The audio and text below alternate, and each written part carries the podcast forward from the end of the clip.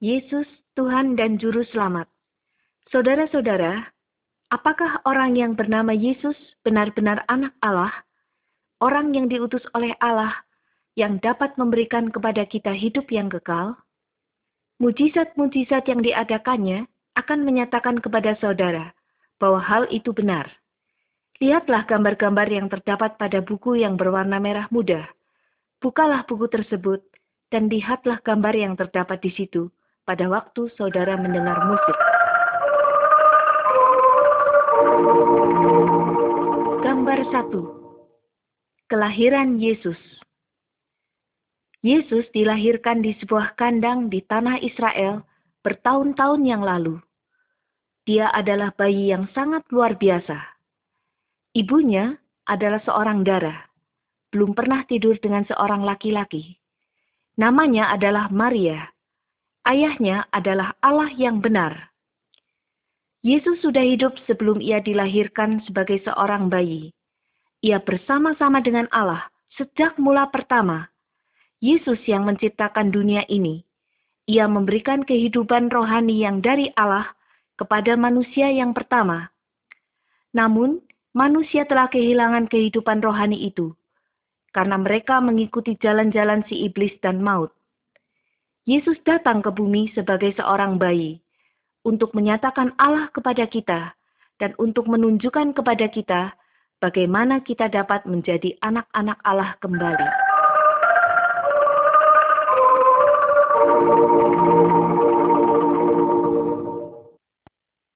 Gambar 2. Yesus mengubah air menjadi anggur. Yesus bertumbuh dan menjadi dewasa. Suatu hari, ia menghadiri suatu pesta pernikahan bersama dengan ibunya dan sahabat-sahabatnya. Maria mengetahui bahwa Yesus adalah anak Allah. Maka ketika anggur habis, ia memberitahukan hal itu kepada Yesus. Kemudian ia berkata kepada pelayan-pelayan, lakukan apa yang disuruhkannya kepadamu. Di situ ada enam buah tempayan air yang besar. Yesus berkata kepada pelayan-pelayan itu, Isilah tempayan-tempayan itu dengan air. Kemudian ia berkata, Sekarang cedoklah dan bawalah kepada pemimpin pesta. Air itu telah berubah menjadi anggur yang paling baik. Sahabat-sahabat Yesus mulai melihat bahwa ia memiliki kuasa yang besar dari Allah, dan mereka percaya kepadanya.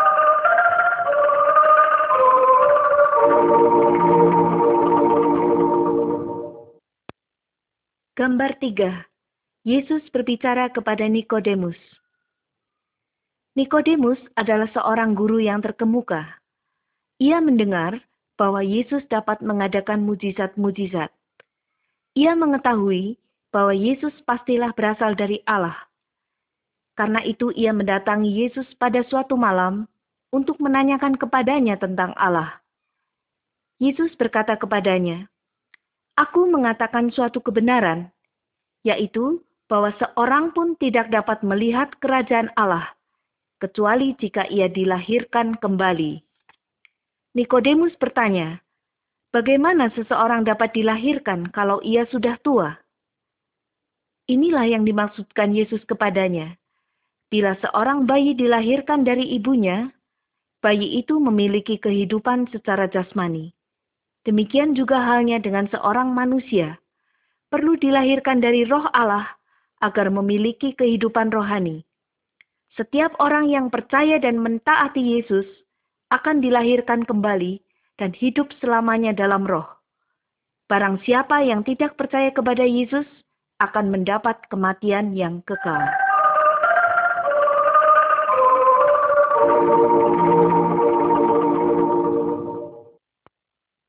Gambar 4. Seorang pejabat pemerintah berlutut di hadapan Yesus. Apa yang akan saudara perbuat jika anak saudara sakit keras? Orang yang terlihat pada gambar ini berjalan terus mencari Yesus. Ia adalah seorang pejabat pemerintah dengan kedudukan yang tinggi. Tetapi ia memohon kepada Yesus dengan berkata, Tuhan, datanglah sebelum anakku mati. Yesus menjawab, Pulanglah, anakmu hidup. orang itu percaya kepada Yesus lalu pulang. Pada waktu ia masih berada dalam perjalanan pulang, pegawai-pegawainya menemui dia. Mereka mengatakan bahwa anaknya telah sembuh, yaitu pada saat yang sama pada waktu Yesus berkata, "Anakmu hidup." Anak itu telah disembuhkan. Orang itu dan keluarganya percaya kepada Yesus, bahwa Yesus berasal dari Allah.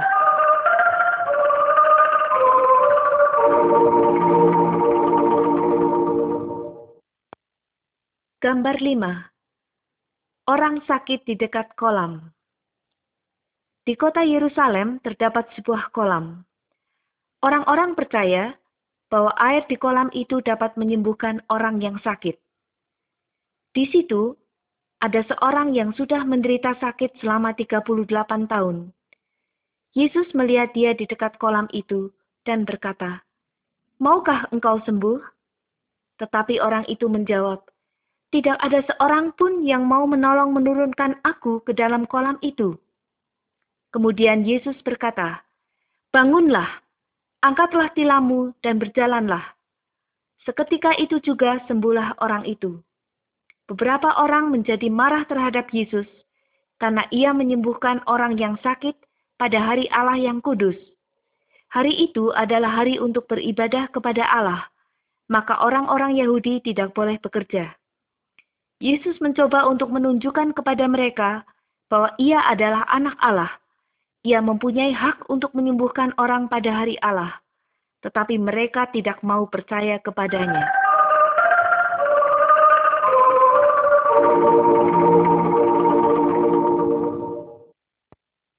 Gambar 6 Yesus memberi makan 5.000 orang. Banyak orang mendengar bahwa Yesus dapat menyembuhkan orang yang sakit. Sehingga suatu hari, suatu kumpulan orang yang banyak sekali mengikuti dia pergi ke tempat yang sunyi. Yesus berkata kepada sahabat-sahabatnya, "Di manakah kita akan membeli roti supaya orang-orang ini dapat makan?" Seorang sahabat berkata, "Di sini ada seorang anak laki-laki yang membawa lima roti dan dua ekor ikan. Tetapi apakah artinya itu semua untuk orang sebanyak ini? Yesus menyuruh orang-orang itu duduk. Ia mengambil roti-roti itu dan ikan-ikan itu.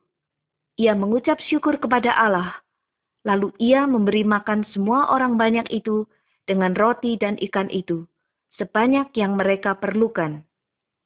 Yesus berkata kepada orang-orang itu, "Jangan bekerja untuk makanan yang dapat binasa, tetapi untuk makanan yang bertahan untuk kehidupan yang kekal. Akulah roti hidup. Barang siapa yang datang kepadaku tidak akan lapar lagi.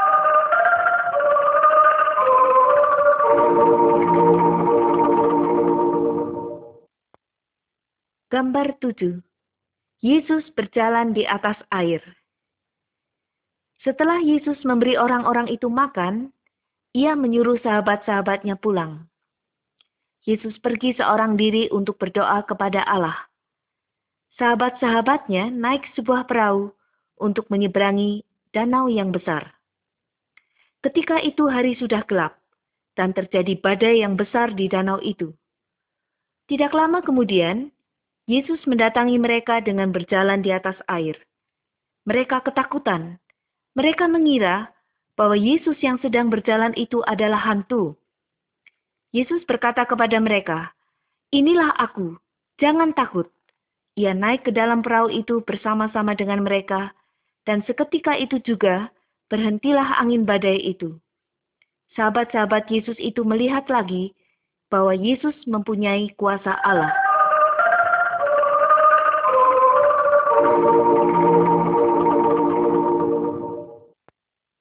Gambar 8 Yesus menyembuhkan orang yang buta. Suatu kali, ada seorang laki-laki yang buta sejak lahirnya. Sahabat-sahabat Yesus mengira bahwa ia buta karena mendapat hukuman dari Allah.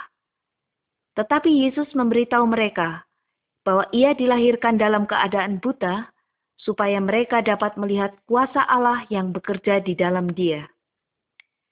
Yesus meludah ke tanah dan membuatnya lumpur. Ia meletakkan lumpur itu pada mata orang yang buta itu. Kemudian Yesus berkata kepada orang itu, "Pergilah dan basuhlah." Orang itu pergi dan membasuh, lalu kembali dan dapat melihat. Saudara-saudara, kita buta secara rohani. Kita tidak dapat melihat jalan-jalan Allah. Tetapi Yesus berkata, Akulah terang dunia. Barang siapa mengikut aku, ia tidak akan berjalan dalam kegelapan, melainkan akan mempunyai terang hidup.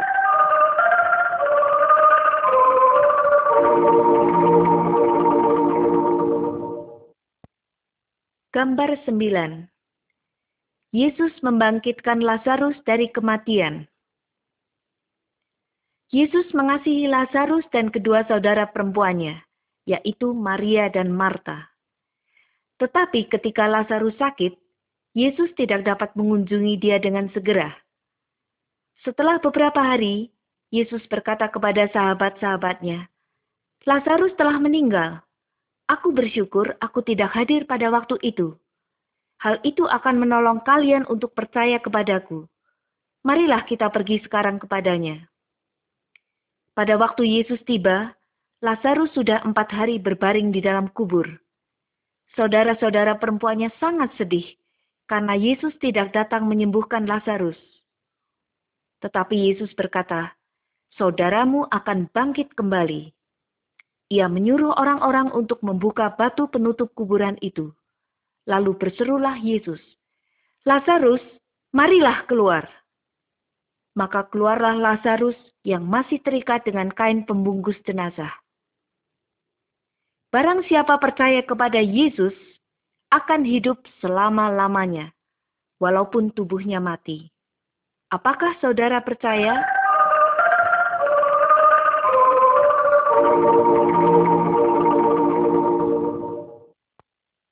Gambar 10. Yesus mati di kayu salib. Yesus membuktikan dengan mujizat-mujizat yang diadakannya bahwa ia adalah anak Allah. Tetapi pemimpin-pemimpin Yahudi merasa iri hati. Mereka ingin membunuh dia. Yesus memberitahukan sahabat-sahabatnya bahwa ia harus mati, dan ia akan mengirimkan roh kudus kepada mereka itu adalah satu-satunya jalan agar ia dapat membawa orang-orang kembali kepada Allah. Yudas, salah seorang pengikut Yesus sendiri, mengkhianati dia. Ia menjual Yesus kepada orang-orang Yahudi. Mereka datang dan menangkap Yesus. Petrus dan sahabat-sahabat yang lain melarikan diri. Para pemimpin orang Yahudi tidak menemukan kesalahan dalam diri Yesus tetapi orang-orang Yahudi berteriak, "Salibkan dia! Salibkan dia!" Lalu orang-orang membunuh anak Allah yang sempurna itu. Dua orang penjahat mati bersama-sama dengan dia sebagai hukuman atas kejahatan mereka. Tetapi Yesus mati sebagai korban untuk kita.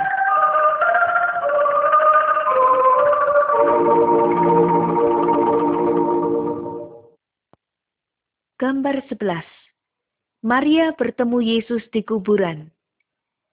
Jenazah Yesus diletakkan di dalam sebuah kuburan. Sebuah batu yang sangat besar digulingkan sehingga menutup lubang kuburan. Pada hari yang ketiga, Maria Magdalena pergi ke kuburan. Batu sudah terguling dan tubuh Yesus tidak ada. Maria mulai menangis. Ia membungkuk dan melihat ke dalam kuburan. Ada dua orang malaikat yang sedang duduk di tempat tubuh Yesus diletakkan. Kemudian Yesus menampakkan diri dan berkata kepada Maria, "Siapakah yang engkau cari?" Maria mengira bahwa ia adalah seorang tukang kebun. Ia menanyakan kepadanya tentang tubuh Yesus. Kemudian Yesus berkata kepadanya, "Maria." Pada waktu itu juga Maria melihat bahwa Yesus hidup. Yesus berkata kepada Maria, "Pergilah kepada saudara-saudaraku dan katakanlah kepada mereka bahwa Aku hidup." Maut tidak dapat menguasai anak dari Allah yang hidup.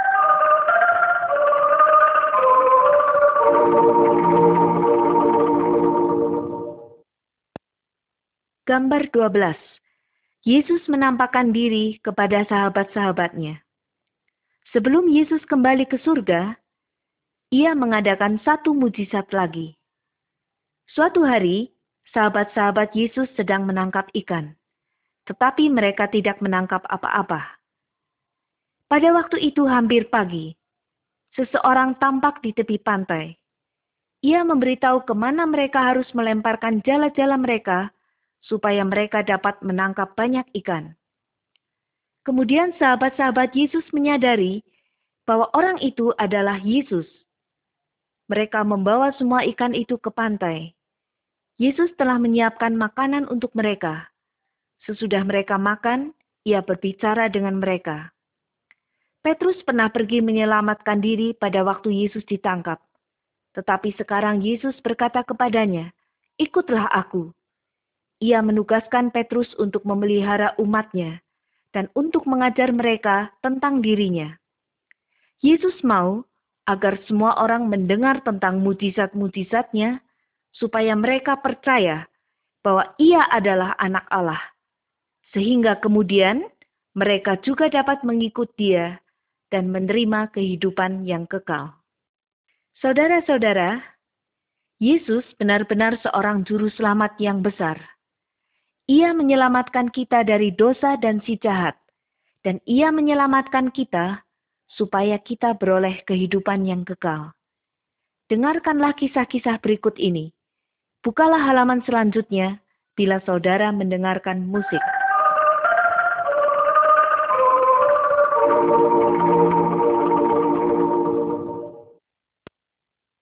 Gambar 13 Yesus mengajar dua orang sahabat. Orang-orang Yahudi mengharapkan bahwa Yesus akan menyelamatkan mereka dari kekejaman pemerintah Romawi. Tetapi pemimpin-pemimpin Yahudi membunuh Yesus di kayu salib, sehingga pengharapan mereka hilang. Ada dua orang sahabat Yesus yang sedang berjalan pulang. Tiba-tiba Yesus menampakkan diri kepada mereka. Mereka mengira bahwa ia adalah seorang asing sehingga mereka memberitahukan kepada dia apa yang telah terjadi. Kemudian Yesus mengajar mereka dari kitab suci. Musa dan semua nabi telah menuliskan tentang Yesus jauh sebelumnya. Mereka menulis bahwa Yesus akan menderita dan mati. Mereka juga mengatakan bahwa Yesus akan bangkit dari kematian untuk memerintah dalam kerajaan Allah. Dengan segera sahabat-sahabatnya itu mengetahui bahwa apa yang dikatakan dalam kitab suci itu benar. Orang asing itu adalah Yesus sendiri. Ia hidup kembali. Marilah kita juga mendengarkan apa yang Yesus ajarkan kepada kita dari kitab suci.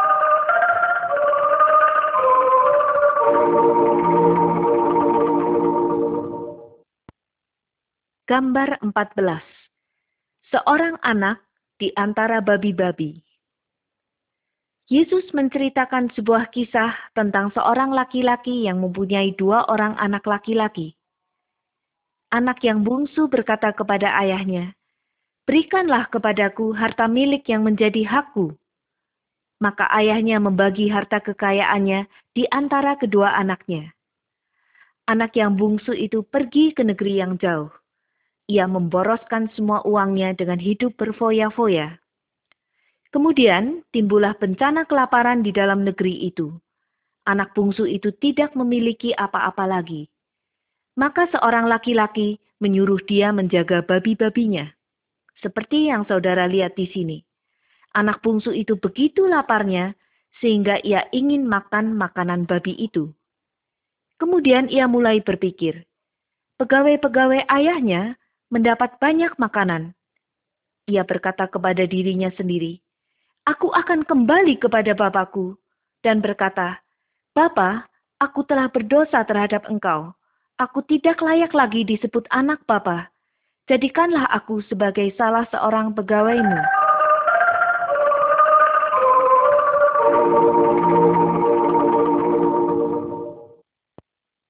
Gambar 15 anak yang hilang pulang ke rumahnya. anak bungsu itu kembali kepada ayahnya. Tetapi ketika ia masih jauh, ayahnya telah melihatnya. Ayahnya berlari mendapatkannya. Ia merangkul dan mencium anak itu. Ia menyuruh pegawainya untuk membawa jubah dan menyediakan makanan yang lesat-lesat. Dan ia berkata, Marilah kita rayakan, anakku ini telah mati dan menjadi hidup kembali. Ia telah hilang dan didapat kembali. Saudara-saudara, Yesus mengajarkan kita bahwa Allah berlaku seperti ayah itu. Kita seperti anak bungsu yang telah berdosa terhadap Dia dan pergi meninggalkan Dia. Tetapi Allah tetap mengasihi kita. Ia merindukan kedatangan kita kembali. Ia ingin mengampuni kita. Yesus datang untuk menyelamatkan kita dari dosa dan kematian. Ia memperlihatkan kepada kita jalan kembali kepada Allah Bapa.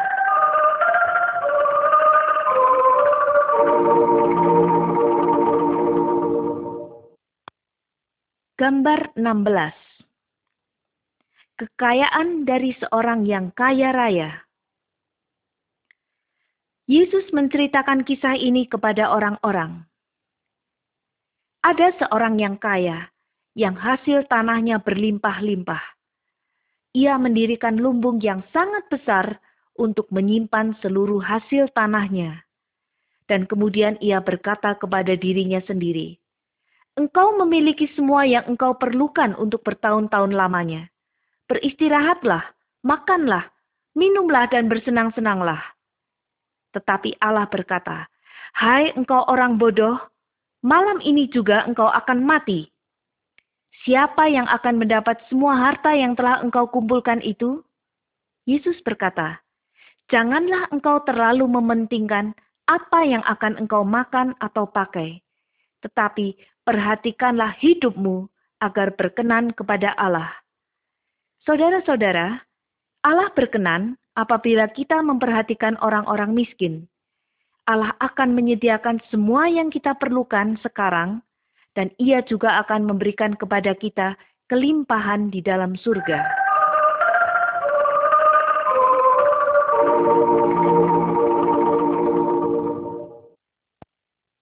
Gambar 17 Pengemis dan orang kaya Yesus menceritakan tentang orang Yahudi yang kaya yang memiliki segala sesuatu yang ia inginkan. Ia tidak memperhatikan pengemis yang ada di dekat pintu rumahnya. Pengemis yang malang itu mati. Ia pergi ke tempat yang indah di sorga. Di sana, Abraham, nenek moyang bangsa Yahudi, memelihara dia. Ketika orang kaya itu mati, ia pergi ke tempat yang penuh dengan kesengsaraan. Ia meminta agar Abraham mengutus pengemis itu untuk menolong dia. Tetapi Abraham berkata, di antara kami dan engkau terbentang jurang yang tak terseberangi. Orang-orang dari surga yang mau pergi kepadamu, ataupun mereka yang mau datang dari situ kepada kami, tidak dapat menyeberang. Saudara-saudara, kita harus mengikuti jalan-jalan Allah dalam kehidupan ini. Jika kita ingin masuk ke dalam surga sesudah kematian. Karena itu, percayalah kepada Tuhan Yesus sekarang dan engkau akan diselamatkan.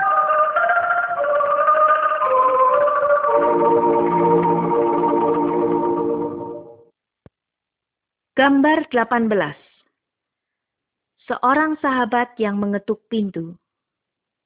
Suatu kali, seseorang pergi ke rumah sahabatnya pada tengah malam dan berkata, Sahabat, pinjamkanlah kepadaku beberapa buah roti.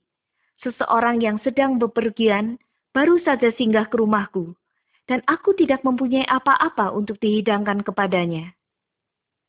Sahabat itu sedang tidur bersama dengan anak-anaknya. Ia tidak mau bangun dari tidurnya. Tetapi orang itu dengan tidak merasa malu terus memintanya, sehingga sahabatnya itu bangun dan memberikan kepadanya apa yang ia inginkan. Yesus berkata bahwa Allah lebih rela untuk memberi daripada sahabat-sahabat kita. Dia adalah Bapa kita. Ia mau memberikan kepada kita Roh Kudus, dan menyediakan semua kebutuhan kita. Yang harus kita semua perbuat adalah terus meminta kepadanya di dalam doa.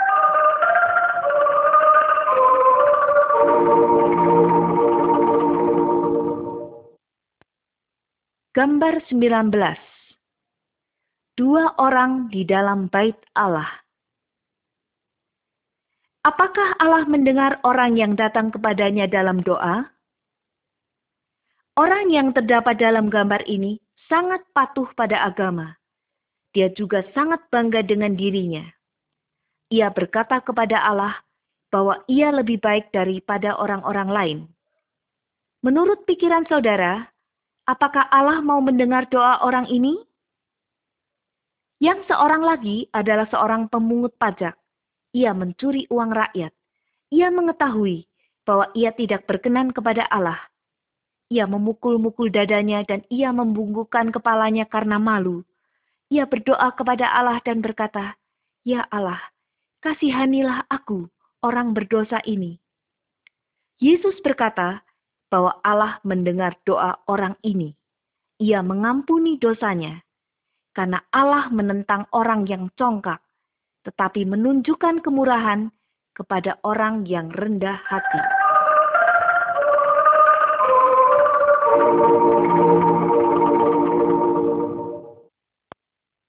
Gambar 20 Seorang penabur menaburkan benihnya. Yesus mengajar orang banyak dan menceritakan hal ini. Ada seorang penabur keluar untuk menaburkan benihnya. Sebagian benih jatuh di sepanjang pinggir jalan, dan burung-burung memakannya sampai habis. Sebagian jatuh di tanah yang berbatu-batu, dan ketika mulai tumbuh, tanam-tanaman itu menjadi kering karena tidak mendapat air. Sebagian lagi jatuh di tengah semak duri yang tumbuh bersama-sama dan menghimpit tanam-tanaman itu sampai mati. Tetapi masih ada benih yang lain yang jatuh di tanah yang baik. Benih-benih itu bertumbuh dan memberikan hasil seratus kali lipat. Yesus berkata kepada orang-orang, Siapa yang mempunyai telinga, hendaklah ia mendengar. Banyak yang mendengarkan cerita ini, tetapi mereka tidak mengerti. Apakah saudara mengerti?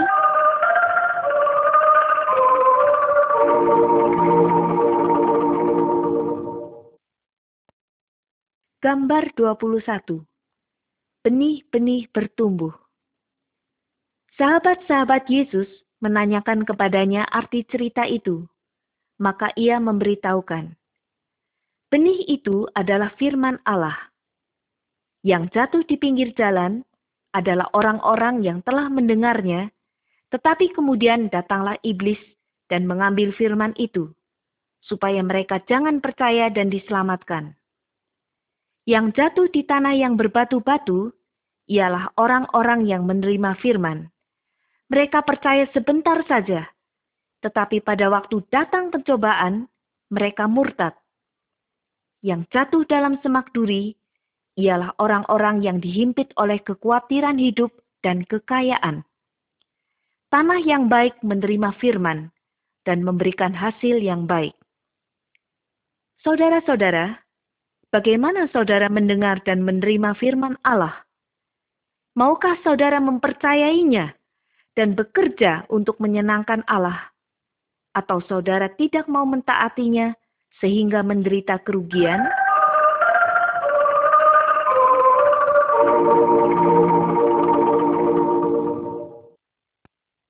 Gambar 22 Pertolongan untuk orang yang terluka Bagaimana kita mengetahui dengan pasti bahwa kita diselamatkan sehingga memperoleh kehidupan yang kekal? Alkitab mengajarkan kepada kita bahwa kita harus mengasihi Allah dan mengasihi orang-orang lain juga. Tetapi, siapakah orang-orang yang harus kita kasihi? Yesus menceritakan sebuah cerita tentang seseorang yang bepergian melewati jalan yang sunyi. Beberapa orang penyamun menyerangnya. Mereka merampok semua yang dimilikinya dan membiarkannya hampir mati. Dua orang yang beribadah kepada Allah datang melewati jalan itu. Mereka melihat orang yang terluka itu, tetapi mereka tidak mau menolong dia. Kemudian lewatlah seorang asing melalui jalan itu. Ia merasa kasihan kepada orang itu. Ia membalut luka-luka orang itu ia meletakkannya di atas keledainya sendiri dan membawanya ke kota untuk memperoleh pertolongan. Yesus berkata bahwa jika kita mengasihi Allah, kita harus menunjukkan kasih kita kepada siapa saja yang memerlukannya.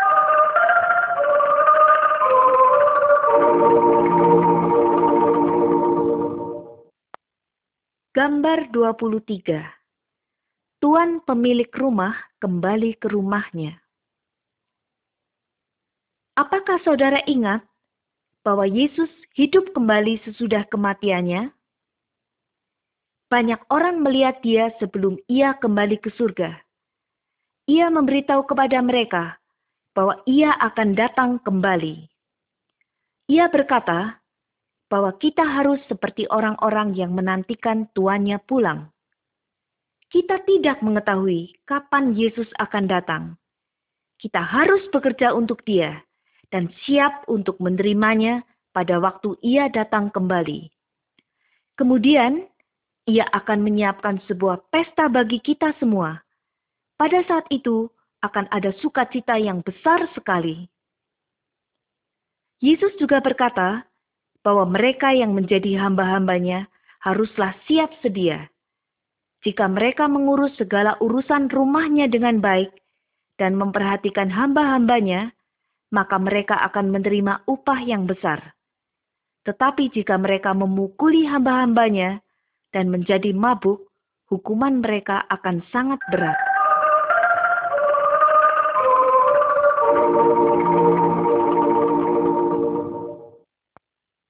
Gambar 24 ada orang di atas pohon. Yesus dapat menyelamatkan siapa saja. Dengarkanlah kisah berikut ini. Zakheus adalah seorang pemungut pajak yang kaya. Ia mencuri uang dari orang-orang. Ia ingin melihat Yesus, tetapi ia sangat pendek dan ada kerumunan orang banyak. Karena itu Zakheus naik ke sebuah pohon. Pada waktu Yesus melewatinya, ia melihat ke atas dan berkata, Zakheus, turunlah. Aku harus menumpang di rumahmu pada hari ini. Orang-orang terkejut. Zakheus bukanlah seorang yang baik. Tetapi Zakheus turun dan menyambut Yesus dengan gembira. Ia berkata kepada Yesus, ia akan bertobat dan berpaling dari perbuatan yang jahat dan mengubah cara-cara hidupnya. Kata Yesus kepadanya, hari ini keselamatan telah datang ke rumah ini. Karena Yesus datang untuk mencari dan menyelamatkan siapa saja yang terhilang dari Allah.